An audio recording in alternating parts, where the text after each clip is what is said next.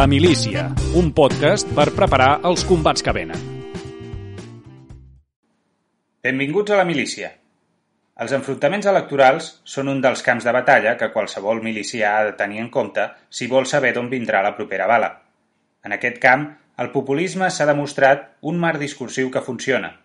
A Catalunya, el populisme és més un recurs retòric que els actors polítics utilitzen per acusar-se mútuament que un eix vertebrat d'acció política.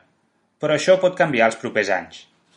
Avui connectem amb Santa Coloma de Cervelló per parlar amb un jove politòleg, articulista en diversos mitjans, que ha apuntat en diferents ocasions que el sistema polític català està esgotat i, posant una data, situa el moment de l'explosió cap a l'any 2023, just després del proper cicle electoral.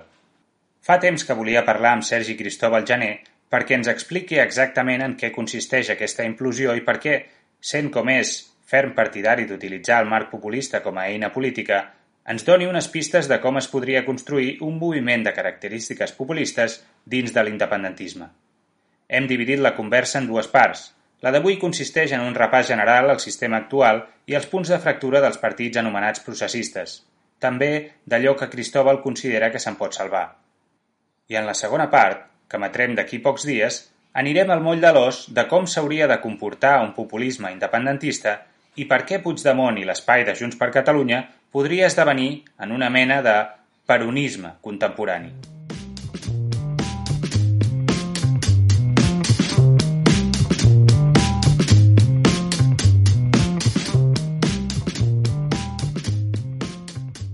Sergi, benvingut a la milícia i gràcies per atendre la nostra trucada. Moltes gràcies a Josep per invitar-me. Per començar, eh, m'agradaria que, a veure si ens pots explicar en profunditat per què creus, com, com t'he anat llegint en algun article i també a través de, de Twitter, etc, que el sistema polític català està a les acaballes fins i tot crec que poses una data, en algun article has escrit que al voltant del 2023 el cicle electoral actual s'esgota. Eh, per què? Què ho fa que sigui així? S'ajunten diversos factors i, i la data no, no, no, no és casual. El 2017, per bé o per malament, quan es celebra l'1 d'octubre, és el final d'una etapa que això afecta tant a partits com a les institucions que giren al voltant, que són ANC i Òmnium, sobretot. Què passa? Per bé o per malament, l'1 d'octubre era la fita.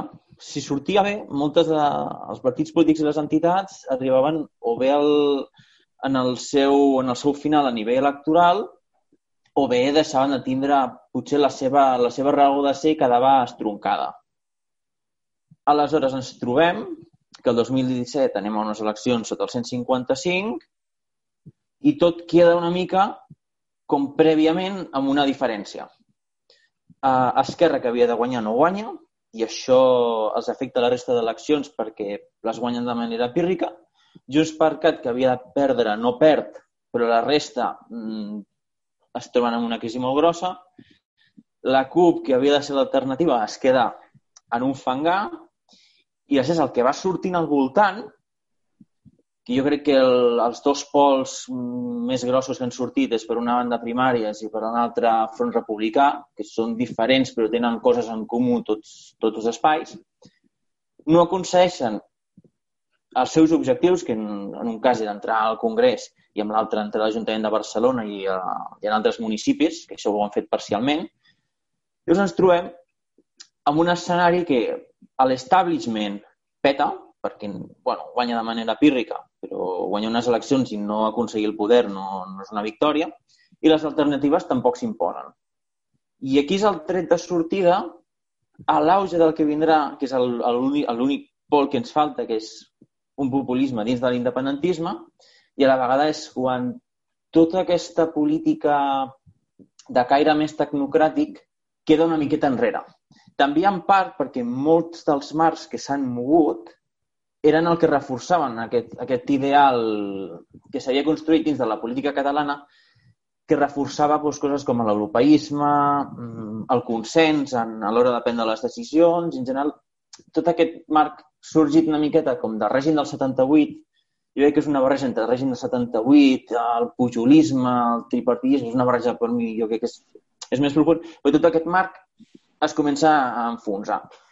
Llavors ens trobem, i això amb els números es veu, amb un electorat mmm, que et varia una miqueta més, no és el votant de fa uns 10 anys, que encara t'aguantava la, seva, la seva referència a l'hora de votar i tenia, era molt més fidel, i ens trobem també que generacionalment aquest vot també es trenca, tant en l'eix esquerra-dreta i també en l'independentisme que aconsegueix penetrar una miqueta més enllà, tot i que dins de lo que són les seves fronteres electorals veurem que quan hi haguessin eleccions o bé a l'octubre o bé al 2021 veurem que aquesta frontera es queda diluïda també per errors propis de l'independentisme.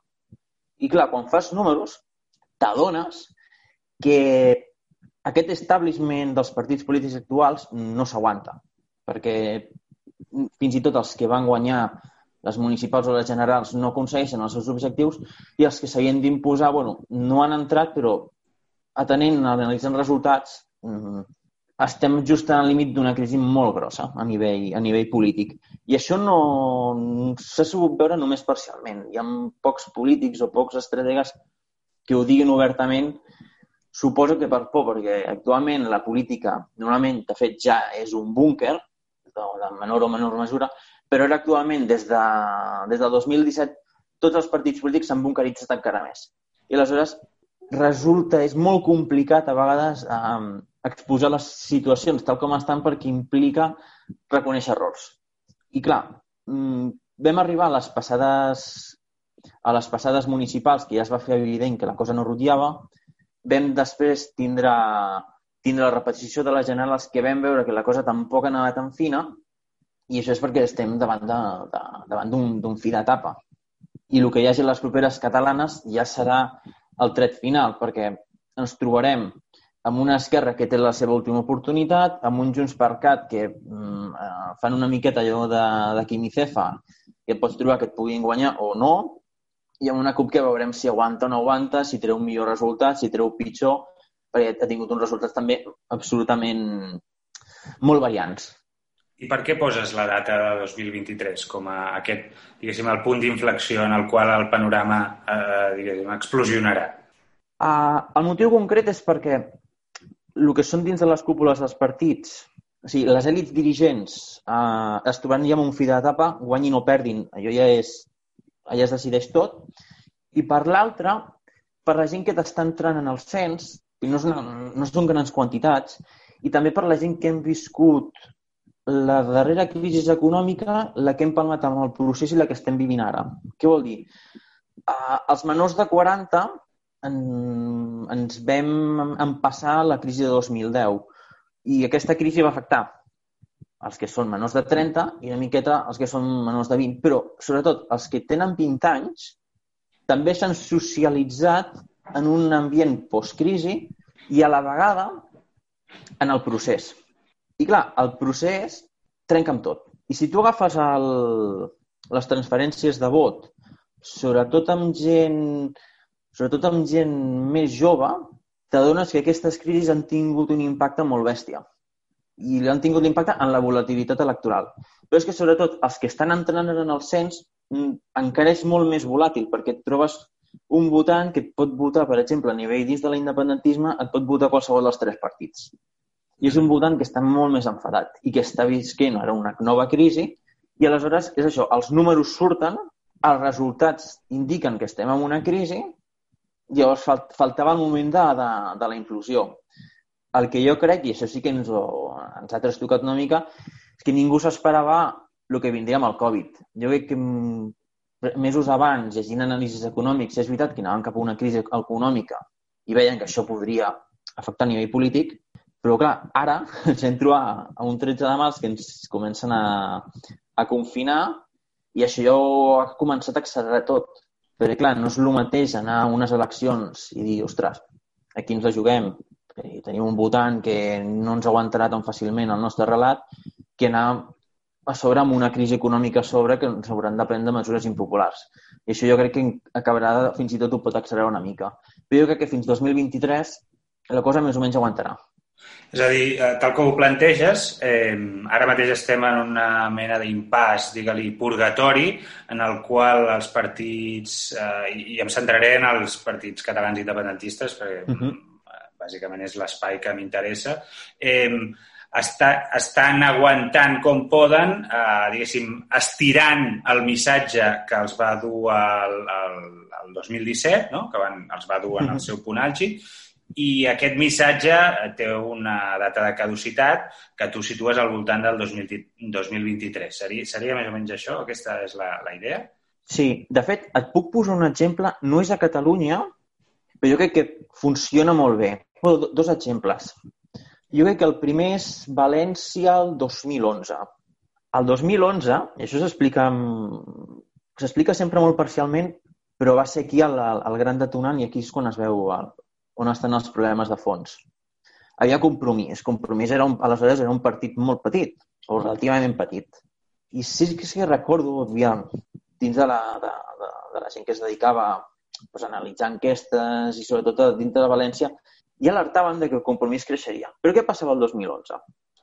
El 2011 el PP arrasa, tant a les municipals com a les, com a les autonòmiques. Però la meitat del votant de compromís en algunes enquestes, o sigui, en algunes enquestes estaven amb el 50% del votant de compromís venien del Partit Popular. Això era un avís del que vindria. Era un, ostres, estan guanyant, però tenen fugues molt estranyes. A Madrid va passar una cosa molt semblant.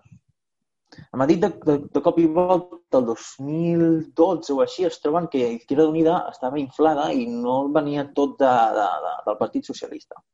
Què va passar a Catalunya? Quan agafes les poques enquestes que es van fer, tant a les generals que es va sentar a Republicà o, a les, o la que es va fer de les municipals a Barcelona, que la van fer, van deixar-la d'accés públic, et trobaves que un espai que et venia d'una barreja entre Poble Lliure, Som Alternativa i Pirates et tenia una tercera part eren votants que et venien de Junts per Cadí d'Esquerra i en el cas de primaris els hi passava exactament el mateix. Què vol dir això? Que quan la crisi comença, quan, comença, quan es comencen a donar aquestes variants tan estranyes que són gairebé que gairebé al, al primer cop no tenen una explicació, però quan et trobes ja diverses crisis que el comportament és el mateix, que són transferències raríssimes, aquí és ja quan has de parar l'atenció. La diferència entre País Valencià i Catalunya és que en el cas del País Valencià, en aquell moment, Compromís va entrar amb una majoria absolutíssima del PP i va quedar diluït aquell resultat d'aquella explicació, i en el cas català, tot i que no van entrar, ens trobem que les eleccions que han hagut doncs, no els hi van servir gaire als grans partits perquè s'han quedat en una situació com en un llim i els altres a priori van fracassar. Però ha influït, i ha influït moltíssim, perquè sense, sense la patacada del Front Republicà i sense la patacada de primàries no ens trobaríem ni amb els copaires entrant al Congrés ni amb els Junts per Cat fent un procés de renovació que l'estan accelerant a tota velocitat. I això és perquè veuen que, evidentment, les xifres no, les xifres no surten. I és aquí on es veu la crisi. És aquí on està el, el, el toc d'atenció.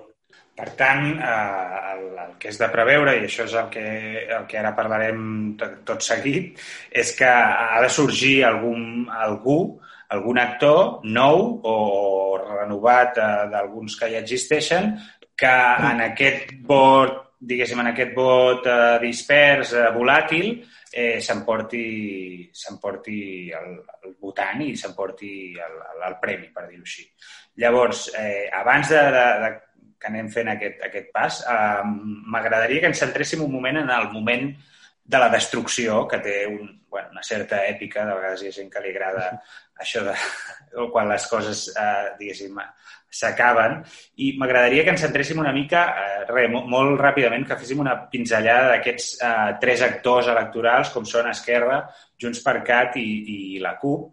Eh, més que res perquè ens expliquis una mica què és el que estan fent eh, de malament, en principi, perquè el que ens estàs explicant és que el seu discurs i la, diguéssim, la, la, seva, el seu recorregut doncs, ja està arribant a la fi, però també si veus que hi ha alguna cosa que estiguin fent bé, eh, de cadascun d'ells. Si vols, comencem per Esquerra, per exemple, que és el que a priori eh, van donant com a favorit en, en totes les, les eh, enquestes, tot i que bueno, això últimament també s'ha posat en dubte.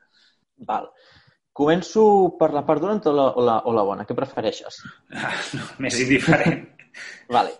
Doncs mira, la part dolenta, i això sí que ho vaig viure perquè jo era molt proper, molt proper amb ells, havia treballat amb ells. Uh, quan s'aplica el 155, i llavors jo tinc certa obsessió en aquest moment, però allò va ser el que va, el que va rebentar tot per bé o. El partit es bunkeritza. Clar, la... quan li preguntem a una persona al carrer com s'imagina la política, li ve al cap una barreja entre Borgen, entre l'oest de la Casa Blanca, i s'imaginen que els polítics són gent com molt preparada, que ho comproven tot, tenen tot, tot, tot ho tenen preparadíssim i que, i que vamos, quan prenen una decisió és que està, vamos, ho han mirat tot i que no, i que no hi ha cap problema. Això potser, us passa, és... això potser us passa als politòlegs, eh? més que res. no, no, però... Segueix, segueix. Si la gent té, té, té una imatge molt, molt idealitzada i al final tots els partits no acostumen a ser a estar dirigits per un grup de WhatsApp. Si diuen alguna cosa que se suposa que ha de ser més sensitiva, es passen a Signal tot i que signen la veritat i totes aquestes aplicacions que utilitzen els polítics, sempre les situacions poden córrer igualment. Això no ho acostumen a ser perquè li, els hi han manat algú, però acostumen a, a funcionar per aquestes dues aplicacions. Tots els partits, eh? o sigui, tots els del món. Llavors, amb el 155 Esquerra es bunkeritza. Però aquest, aquesta bunkerització jo la vaig veure de, en, diferent, en diferents jocs on, on, on estava una miqueta on estava dins. O sigui, jo vaig veure, per exemple, en grups on estaven fent estudis per preparar coses per l'1 d'octubre, però també ho vaig veure perquè, per exemple, jo, al marge de politòleg, doncs me'n vaig anar a ajudar a la gent del meu poble a posar, posar cartells i coses i vaig entrar en grups de WhatsApp i aquestes reaccions les vaig veure. La gent d'Esquerra es va bunkeritzar amb el, amb el seu líder. És una reacció que considero lògica per una banda, però per l'altra va potenciar que un grupet de persones estigui dirigint allà un partit amb les seves dèries personals al marge de les enquestes. Què vol dir això? Que prenen decisions pues, amb el que ells pensen que sortirà bé sense saber si sortirà bé o no sortirà bé. Llavors, aquesta bunkerització ha provocat que Esquerra els últims mesos la transferència que tenen de votants entre Junts per Cat i Esquerra i, i també entre Esquerra i la CUP eh, es vagi reduint i torni als espais naturals. Què vol dir? Que aquell votant que estava entre Junts per Cat i Esquerra et torni a Junts per Cat i aquell votant que estava entre Esquerra i la CUP et torni a la CUP. Per què passa això? Perquè aquest votant que oscil·la és més semblant en els partits que ha acabat triant en comptes d'Esquerra i Esquerra ha preferit en aquest, en aquest cas bunkeritzar-se en el seu nucli dur i això ha provocat doncs, que a l'hora de, de, a mesura que es van fent enquestes i es van prenent decisions a nivell polític, clar, vegin que no, no, no dona resultat. Un altre error que jo també crec que, com, que comet Esquerra és a, eh, el fet de prendre decisions sense tindre en compte què faran els rivals. Clar, aquí vam anar a una taula de diàleg, per exemple, que és una cosa que si... bueno, en el llibre del Puigdemont, que he vist que ja has fet la, la, la, la crítica, és una cosa que surt esmentada, surt també esmentat en els famosos papers d'Urcullo que ha publicat, i una cosa com la, com la taula aquesta de diàleg amb el PSOE, que més o menys tots ja intuïem que havia nascut morta, ells la prenen com un fet religiós perquè la decisió es prenen en grup internament, però no tenen en compte que la resta d'actors polítics independentistes d'aquesta taula o bé la volen dinamitar perquè és una cosa del rival, o bé la volen dinamitar perquè no hi creuen i, volen, i suposadament o teòricament volen tirar, volen tirar pel dret. Clar, què ha passat? Ve la crisi amb la pandèmia, el PSOE necessita aprovar sí o sí els pressupostos amb Ciutadans o el PP de manera urgent, doncs clar, el primer que es peten és aquesta taula. Això també ha passat a l'hora de negociar la, la Diputació de, de Barcelona. Clar, Junts per Cat negocia amb el PSC i si ens hi fixem amb les notícies, els nomenaments, el que fan bàsicament és Junts per Cat li dona la investidura a Marín, a canvi de, casualment, gent de, del partit de... Bueno, gent de, gent de Junts per Cat que acaba casualment dins de la Diputació de Barcelona com a càrrec, com a càrrec. I clar, l'esquerra es queda com, ostres, ens han robat la cartera. Però clar, Esquerra també estava negociant. I jo recordo, perquè això, aquestes, aquesta conversa l'he tingut jo amb càrrecs locals, de dir, escolteu, aquí està el PSC negociant a dues bandes, que és el que va passar. I és, de fet, és un dels motius pels quals Badalona també peta. Clar, no es tenen en compte que, que si tu estàs prenent un posicionament i estàs, a, estàs, a, estàs a, no sé la paraula ara, no tenen en compte que quan prens una decisió has de tindre en compte el que faran els altres. I clar, tenen aquesta sensació que els hi roben la cartera, però és que els hi roben la cartera de veritat. Una bona estratègia o una bona tàctica és, vale, podem fer això i tenint en compte eh, què faran els nostres rivals o com poden reaccionar. Això no ho fan. Ara potser passaria la part bona, perquè m'anava a centrar potser amb els lideratges, però jo crec que això és un, tema més secundari. Però la part bona d'Esquerra, què és el que té Esquerra? Té una base de quadres. Mm, jo crec que a nivell local, ara mateix, són els que més quadres tenen. No sé si els hi aguantaran quatre anys més, no sé si acabaran mandat la majoria de tots aquests quadres. Però en tenen. O sigui, tu vas a un poble, per petit que sigui, tens la, la seu local d'Esquerra que té la seva gent. Vas a una ciutat i encara que no estiguin manant, tenen el seu grup de gent i tenen, els, tenen al voltant una xarxa més o menys bastant teixida. Això jo crec que ho han fet bé i això s'ha de, s'ha de dir sense, sense, sense muts, això s'ha de lluar. Problema és això, no, saber, no sé si aguantaran quatre anys amb una direcció que s'ha buncaritzat, perquè al final, com passa moltes vegades, fins el militant acostuma a ser també més crític que el propi votant i pot acabar cremant. Però realment aquesta part la tenen, la tenen, la tenen ben feta. I per acabar la, la carpeta d'Esquerra, eh, també centrant-me en el moment, diguéssim, d'implosió, eh, pot, eh, pot ser, no sé si no he seguit massa, els corrents crítics interns ara mateix eh, crec que són més o menys eh, que, que, que no són molt durs, però pot ser un dels motius de, de, de, de, de la seva implosió o, o a, a part, diguéssim, del context general. Esquerra en si eh, pot acabar escindida, pot acabar amb una crisi gran a, a nivell intern, creus? Jo crec que pot acabar amb una crisi, però no acabarà amb els grups opositors que hi ha. Perquè els grups opositors que hi ha, jo crec que ningú dubta que estan més a dins de Junts per Cat que dins d'Esquerra a dia d'avui. Ara bé, si no guanyen les eleccions, els ganivets mm, volaran. I volaran internament. I tal com és l'estructura d'Esquerra, ens podem trobar que tenen un, un líder propi, que és Junqueras, que està desgraciadament a la presó, i tenen tota la gent del seu voltant que si els ganivets volen, Junqueras no podrà parar aquesta neteja perquè les pròpies bases els diran, nanos, marxeu d'aquí. Vull dir, jo penso que si hi ha, si hi ha patacada electoral, la, els ganivets volaran més internament que no dels grups supositors que estan ja més fora que dins. És, eh, ho, veig, ho veig així.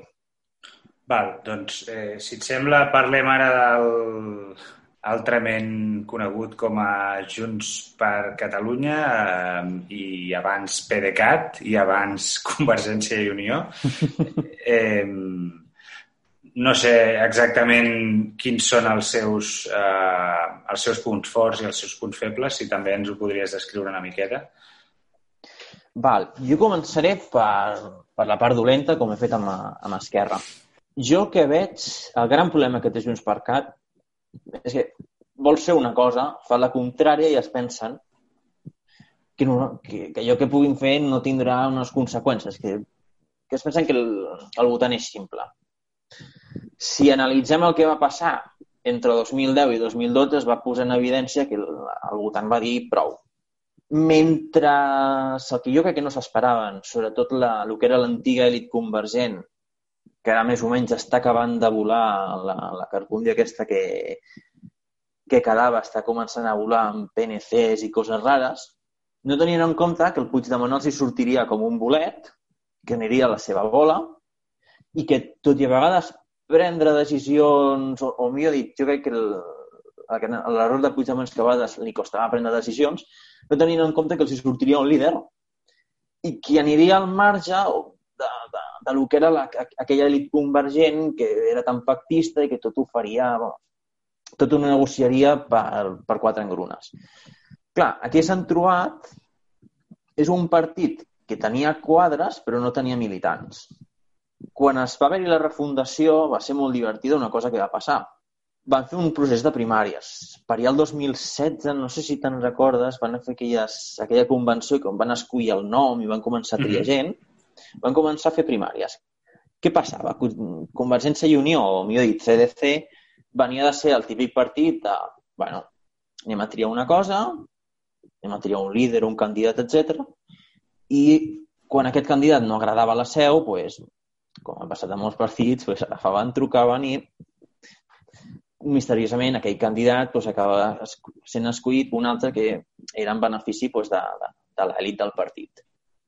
Això peta quan fan un procés de primàries tan obert que de cop i volta es troben que, hòstia, hem de votar tot. Clar, comencen a votar que si sectorials, que si candidats locals, comarcals, territorials, bueno, fan imposen de manera, de manera directa tots aquests candidats, o sigui, tot, tot, totes aquestes eleccions, i de cop i volta es troben que comencen a votar. Què va passar en aquest procés? Tota l'elit al voltant del Mas desapareix en, quan es vota. A, a nivell ideològic s'adonen que aquesta base militant, que la meitat són quadres, no està tan a la dreta, que a veure, no, no, no és un partit marxisme, no, marxista, no ens entenem, però que no estava tan a la dreta com ho era l'antiga èlit que, que, que dirigia el partit, i quan han fet neteja perquè tots els que estaven lligats a Artur Mas van desapareixent, s'ha de triar un líder, són les 3 de la matinada, em sembla que era així, celebraven el fòrum, i, hòstia, només queden els joves al costat d'una tal Marta Pascal. I és quan et trobes un partit dirigida per una persona que venia de ser la, anava a dir mà dreta de Mas, no, però una miqueta dintre d'aquest sector autonomista tan amb un independentisme, anem a dir-ho passiu, dirigint un partit d'unes bases que s'han patat tot el que, tot el que era el, el marc de referència d'aquest partit polític. I et trobes amb una cosa que és el PDeCAT, que no s'ha presentat mai a unes eleccions, però que té un poder intern del 50%.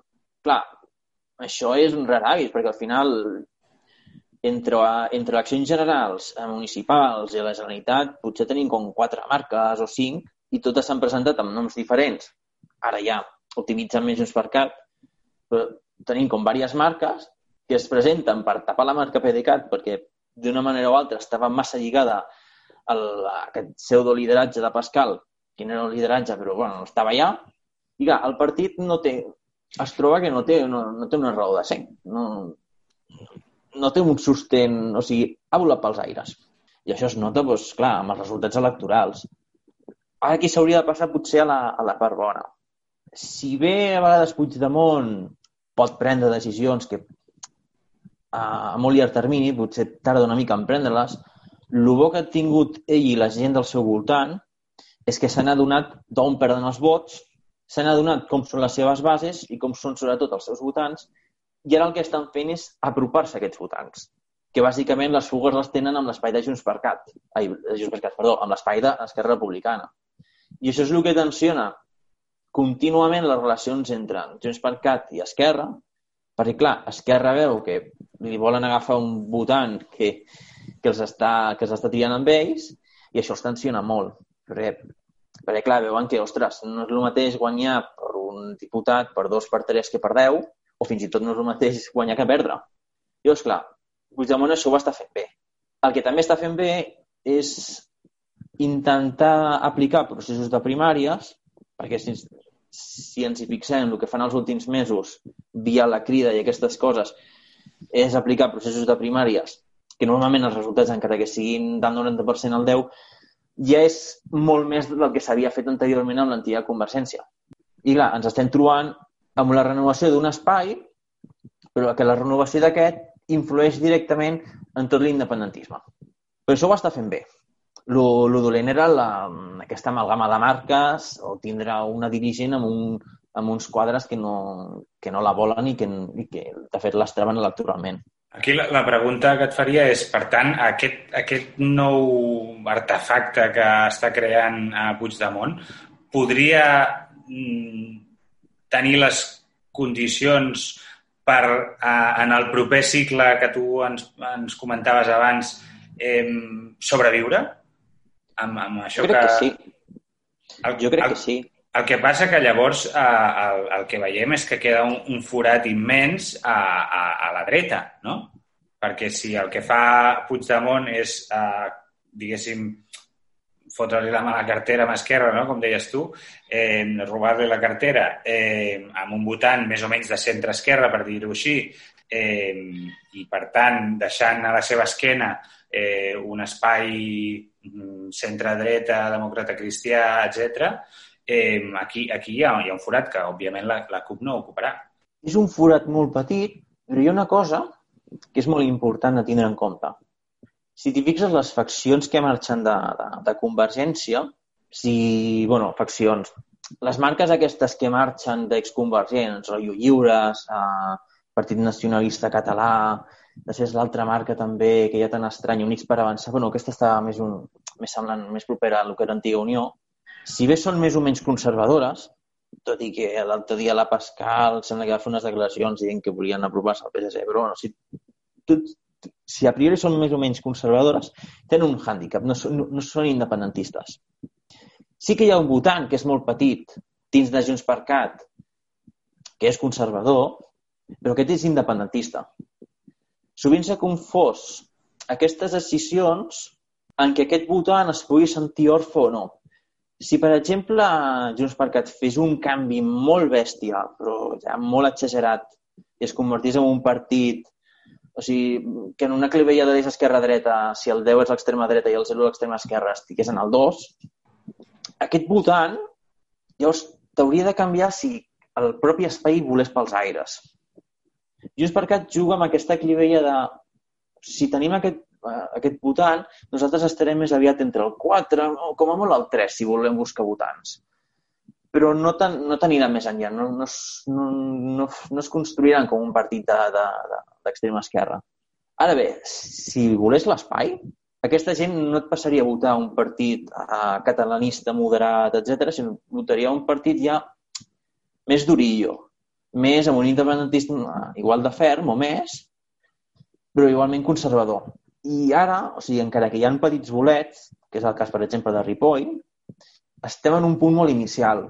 Perquè si, per exemple, Junts per Cat se't consolida com a marca el que et votant com a molt tens un espai populista d'extrema bueno, sí, dreta o, de, o liberal conservador mmm, així consolidat a nivell local, però amb unes catalanes ja és més complicat. Bueno, Existeix, no, no, perdona. No, és que, no, no, perquè és que aquest tema m'agradaria, diguéssim, enfocar-lo a la, a, ara a la segona part, diguéssim, de, de l'entrevista i, si et sembla, eh, acabem amb aquests tres, amb aquests tres partits, Val.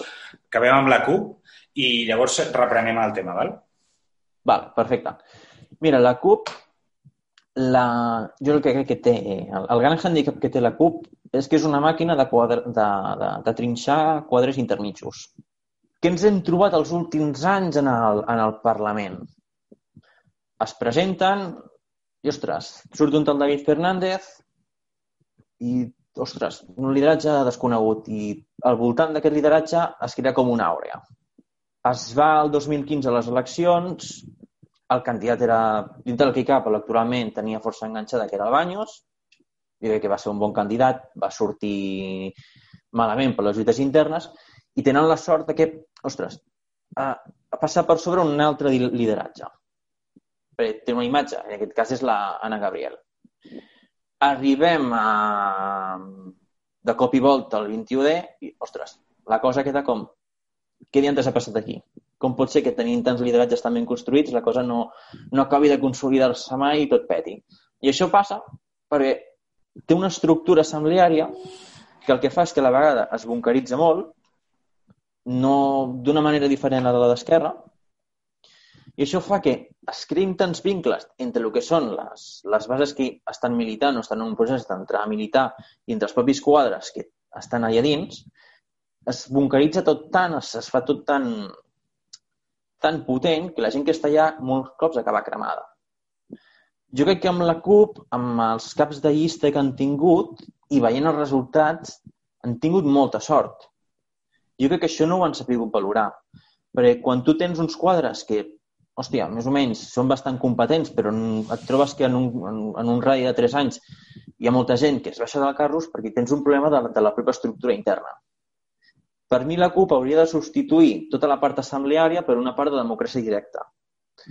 Això faria que la gent internament es cremés molt menys i alhora donaria peu a més pluralitat, a menys tensions internes i a la vegada a millors candidats. Però és això, jo penso sempre que han tingut molta sort en el que han tingut a la Generalitat, que es podria estar sempre molt pitjor.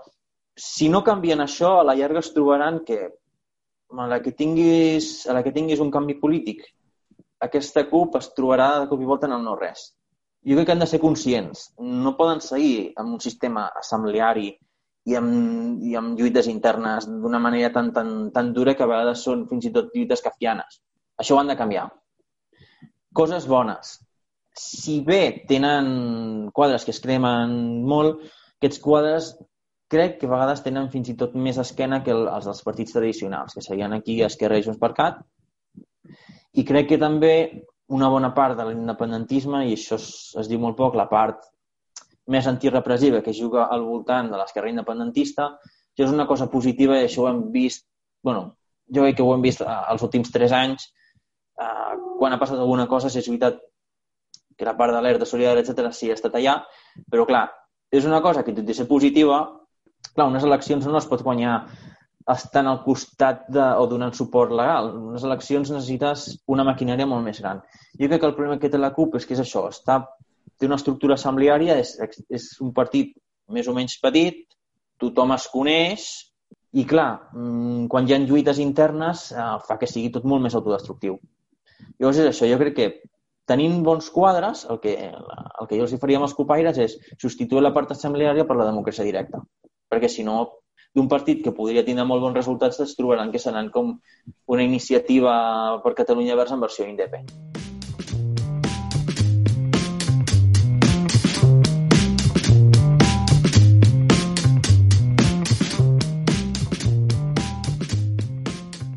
La milícia, amb Josep Asensio.